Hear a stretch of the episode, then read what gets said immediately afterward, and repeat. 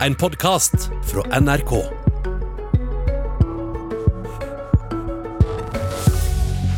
Den nye statsministeren lover storrengjøring i arbeidslivet. Vanlige arbeidsfolk skal få mer makt og fulle stillinger. Den gamle statsministeren lurer på om han har en plan for å skape de arbeidsplassene også. I dag møtes Jonas Gahr Støre og Erna Solberg til første duell i nye posisjoner. Hjertelig velkommen, statsminister Jonas Gahr Støre. Tusen takk. Og hjertelig velkommen til deg, Høyre-leder Erna Solberg. Støre, hva kommer til å bli den største forskjellen på deg som statsminister og Erna Solberg? Hvordan skal du fylle den rollen? Nei, Jeg skal nå være meg, da. Jeg er eh, lagleder for et lag som nå eh, strutter av pågangsmot og energi etter at vi kom i regjering og har en plattform vi skal gjennomføre. Eh, Og jeg skal støtte statsråder, jeg skal støtte opp om alt det arbeidet vi går i gang med over hele landet, med veldig mange som skal være med på denne reisen vi skal inn på nå. Eh, Det vi skal gjøre for å sikre arbeidsplasser, skape de nye jobbene, det krever mange partnerskap. og Det tror jeg statsministeren skal være med å lede. Eh, Og så har vi et internasjonalt engasjement. Norge er en eh, nasjon vendt mot verden. og Der tror jeg statsministeren også skal være aktiv. Hvordan strutter Høyre-leder Erna Solberg etter åtte år i regjering?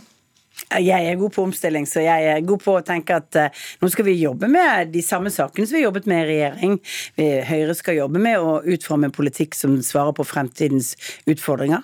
Som bidrar til at vi har jobber, som bidrar til at vi eh, sørger for at utslippene på klimagasser går ned. Som bidrar til at vi inkluderer flere i arbeidslivet, noe som har vært veldig viktig for min regjering å jobbe mye med. Den største forskjellen i vårt samfunn mellom de som er i arbeidslivet og de som er utenfor arbeidslivet. Ok, Før du tar resten av eh, den, den rekka, så lurer jeg på hvordan er det har dere bytta bolig og sånn når du flytta inn som statsminister, eh, Støre? Eh, ikke ennå, men det, det forbereder jeg meg på. Det er jo å, å flytte i en alder av sånn 61. Det er jo nytt, men jeg, kona og jeg ser på det som en spennende mulighet i livet for å erfare noe nytt. Og så er det mye praktisk som er lagt til rette gjennom det, så det ser vi fram til.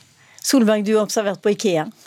Ja da, vi skal, har jo flyttet inn i en, en mye mindre leilighet enn statsministerboligen er, og må sørge for litt ekstra oppbevaringsplasser og sånt, så eh, vi har brukt helg til å flytte og eh, kvelder til å skru.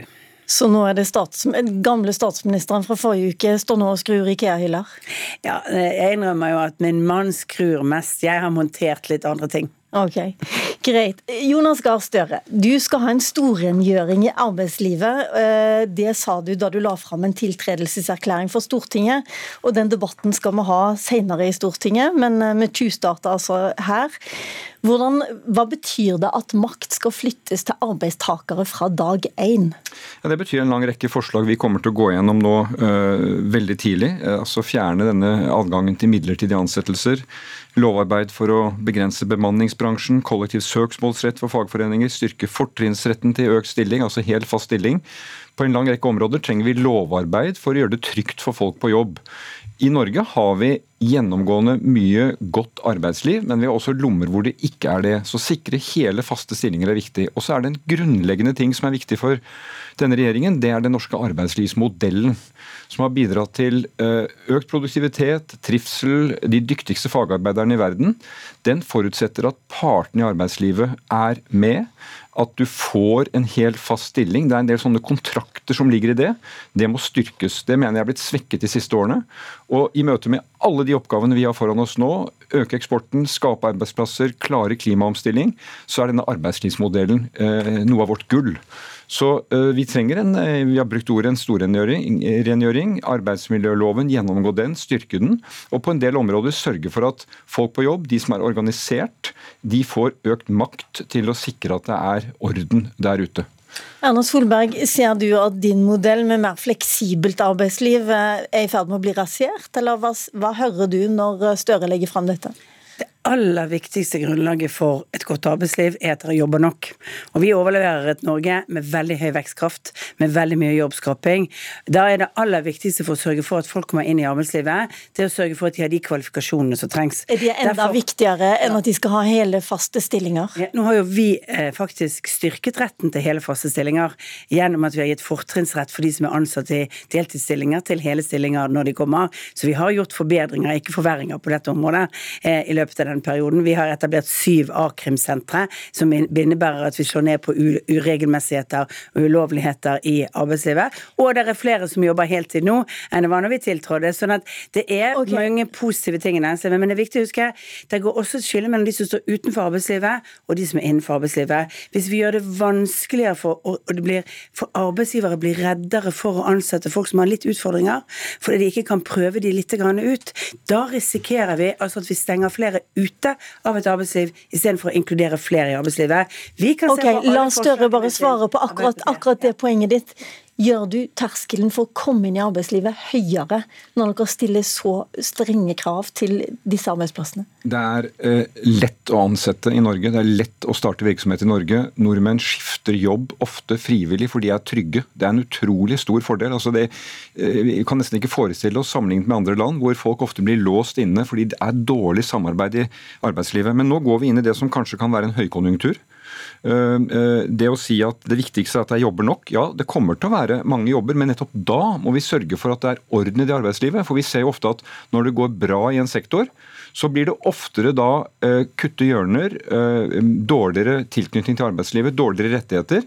Og dette f.eks. med bemanningsbyråene, innleie, som uh, er nødvendig når det er topper og sesonger i Norge. Det er i ferd med å bli normalen i deler av arbeidslivet, og det er veldig dårlig for det arbeidslivet og for den arbeidslivsmodellen vi har. Og Da så, sier noen av dine samarbeidspartnere at den bemanningsbransjen egentlig bør stoppes og forbys. Ja. Så langt vil ikke du Nei, gå. Og det sier ikke jeg, men jeg ønsker å ramme den den inn, slik at den ikke fortrenger dette med å få faste ansettelser. Vi kommer til å ha behov for å ha vikarer når det er topper i ordre og sesonger som går, som går altså vinter og vår og, og ulike behov. Men, men, da må jo myndighetene være på vakt. og eksempel, I denne regionen her, bygg- og anleggsbransjen på Østlandet, har vi sett eksempler at innleie da fortrenger vanlig arbeid. og Det har veldig stor betydning for 15-åringen som skal velge skal jeg gå inn i byggebransjen, eller ser jeg der ute et arbeidsliv som ikke er fristende. Okay. Så Hvis vi skal rekruttere, og det skal vi, ungdom til disse viktige fagene, så er det å rydde opp i dette en veldig viktig oppgave. Men det var jo derfor vi faktisk foreslo å gjøre endringer for Oslo, Akershus, gamle områdene i sentralomdelen av Viken fylkeskommune, nettopp på bygg og anlegg, eh, og sa at der er det et problem. Derfor skal vi gjøre noe med det. Derfor skal vi ha strengere regler i dette området. La meg utfordre dere vi må gjøre. Riktig. Men la, la meg bare utfordre begge to på en, på en, litt ny problemstilling. For nå i det siste så har vi hørt flere selskaper som sier det at det fagorganiserte, ja ja, de kan godt være fagorganiserte, men de får ikke bonus. De får heller heller ikke eh, støtte til kjøregodtgjørelse og flere andre positive tiltak. Hva tenker dere om det, f.eks. deg, Støre, først? Jeg mener at dette er en veldig urovekkende utvikling. At du straffer de som organiserer seg. Eh, som, som, som, sagt, Er du på en norsk industribedrift, så kan du ofte ikke se forskjellen på klubblederen og plasslederen, fordi de samarbeider godt. Og Hvis du får eiere som sier at hvis du eh, er fagorganisert, har en tariffavtale, det er en klubb på stedet, så mister du rettigheter. Dette er akkurat den utviklingen vi ikke vil ha. Så vi må gå gjennom og se på både hvordan regelverket virker, hvordan det offentlige innkjøper, og hvordan selskaper har ansvar for å stille krav til også de de kjøper fra. Er du like bekymra, Kort eh, Solberg? Jeg mener at vi ikke bør ha ordninger hvor, man, eh, hvor det er en disfavør å være fagorganisert. Jeg mener at det er viktig å ha ryddige ordninger, at folk skal kunne fagorganisere seg i Norge. Men er det noe mulig det, å gjøre noe med det, hvis en arbeidsgiver ønsker å ha det? som kommer om, om, hva det er. Hvis man har forhandlet ting i en tariffavtale, eh, så, så, så så mener jeg at de fleste arbeidsplasser vil man si at det da gjelder alle på den arbeidsplassen, og at man lager like forhold. La oss eh, gjøre et stort hopp i temaet her. For første gang på 40 år så ble abortloven endra med deg som statsminister, Erna Solberg. Da ble det forbud mot uh, tvillingabort. Nå er jeg litt usikker på hvordan jeg skal tolke uh, Hurdal-plattformen større. Skal denne regjeringen utrede mulighet for å ta abort inntil uke 18 uten å gå i nemnd? Vi skal gjennomgå det, ja. Vi skal, vi skal ha en utredning på hvordan uh, dagens praksis er for kvinner som ønsker svangerskapsavbrudd mellom uke 12 og uke 18. Uh, de aller fleste tar svangerskapsavbrudd hvis de gjør det før uke 12. Uh, 5 gjør det etter, og nesten 100% får innvilget den søknaden. Betyr det at vi kan regne med at eh, regjeringen kommer med et forslag for Stortinget. Det som er veldig klart her da, Jeg har ikke ønsket å ha en forhandling hvor vi avgjør et sånt spørsmål holdt jeg på å si, en kjapp time på Hurdal eh, og skal presse det gjennom i Stortinget. Det ja, men ikke min metode. Nå har du fire år. Nettopp. Nå er jeg fire år. og Derfor skal vi først gjøre dette grundig og med respekt for temaets følsomhet. Ha en utredning om hvordan nemndsystemet virker, hvilken omsorg kvinner trenger hvilket helsetilbud det skal være. Så står de to partiene fritt til å forfølge sitt standpunkt i Stortinget. Det er en måte vi har løst det på. Vi har ulikt syn på det. Eh, og da har Arbeiderpartiet et veldig klart vedtak om at vi ønsker at det skal kvinnen kunne avgjøre inntil uke 18. Og det skal ligge et veldig sterkt og godt organisert helsetilbud tilgjengelig for henne. Men jeg mener det opplyser debatten. Det gjør, det, det gjør oss klokere når vi tar ned pulsen, tar ned skuldrene og får en god utredning av våre beste fagfolk og hva dette betyr og hvordan det kan løses. Nettopp. Men det kommer et forslag til Stortinget? Ja, I, i enden av det kommer det til å komme forslag til Stortinget, eller i Stortinget. Ok. Erna Solberg, eh, da sier han at eh, Arbeiderpartiet og Senterpartiets representanter blir eh, stående fritt. Kommer også Høyres representanter til å stå fritt i denne type saker? Ja, det gjør de, og det er grunnlaget vårt. Men utgangspunktet vårt er jo at vi eh, Altså, det er jo ikke sånn at eh, at vi har forbudt uh, tvillingabort. Det er sånn at det nemndsbehandles hvis det skal være, og så er det i utgangspunktet sånn at man mener at en tvillingabort ikke skal gjennomføres. Men det, det er viktig å huske at dette er en sak som Jonas Gahr Støre lot ligge uavklart i skuffen da han var helseminister. Det var en henvendelse som kom. Den ble avklart med at det ville bety en endring av abortloven Eh, hvis man skulle gjøre noe. Men det er jo ikke sånn at det var veldig tillatt før. Det var noen steder hvor det var praktisert at dette gjorde vi ikke uansett. Men dette var et spørsmål som Jonas Gahr Støre ikke ønsket å gjøre noe med, og at han lot være i limbo og lot fagfolkene gjøre ulik praksis ulike steder. Ok, Men la oss uh, ting, Men det handler ikke om det, men du sa at vi er stilt fritt. Arbeiderpartiet stemmer samlet i slike saker. Men de to partiene Arbeiderpartiet og Senterpartiet er fritt til å forfølge i Stortinget. Okay, og Grunnen til at jeg spurte om det, er selvfølgelig fordi noen har regna ut at akkurat akkurat nå så er det 80 representanter i Stortinget som, eh, som mener, hvis man stemmer sånn som man tror, som kommer til å stemme for å gjøre om på en abortlov. Eh, men hvis Høyre stiller sine folk fritt, så er det større muligheter for en endring. Slike spørsmål tenker jeg, Det er en fordel at det ikke avklares liksom med én stemme. Det kan skje, det er demokratiet, men derfor vil en slik utredning tror jeg bidra til at vi får en godt opplyst debatt. Ok, La oss ta det siste temaet i den, dette kvarteret, klima og miljø. Om få uker er det klimatoppmøte i Glasgow. Der skal du, Støre, og der skal du fortelle at Norge vil kutte i klimagassutslippene med 55% Du vil òg øke CO2-avgiften til 2000 kroner.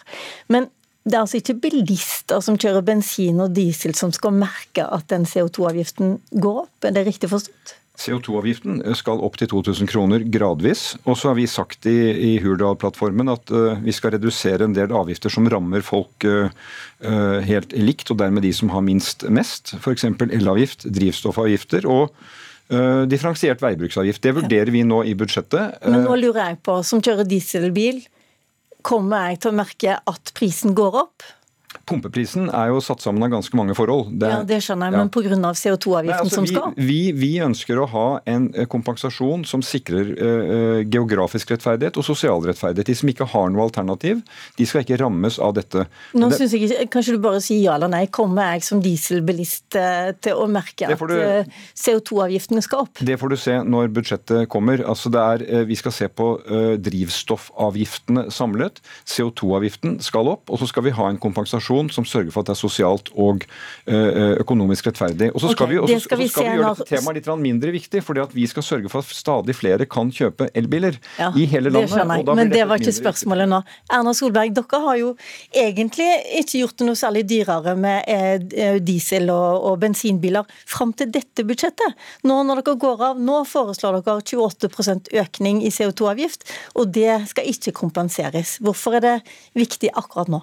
Det kompenseres for familier, det kompenseres for enkeltmennesker, men det kompenseres ikke på bilprisen eller på bensinavgiften. Men folk får mer tilbake gjennom våre skatte- og avgiftslettelser som ligger i budsjettet. Og pendlerne får mer enn en det økningen går opp. Så det er viktig å si folk får ikke dårligere økonomi av dette, men på marginen, hvis vi skal ha nye eh, energiformer frem, hvis vi skal ha lastebiler som går på hydrogen, hvis vi skal sørge for at man kjøper el-lastebiler, eh, altså hele denne transformasjonen som vi skal ha, så er vi nødt til å ha en forutsigbarhet på at at det faktisk blir dyrere fremover å bruke fossilt brensel. Hvis ikke får ikke vi markedet til dette til.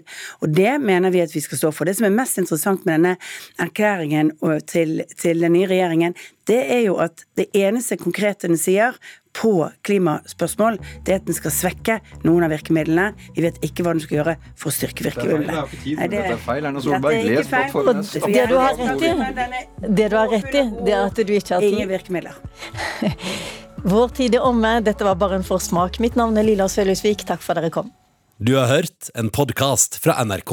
Hør flere podkaster og din favorittkanal i appen NRK Radio.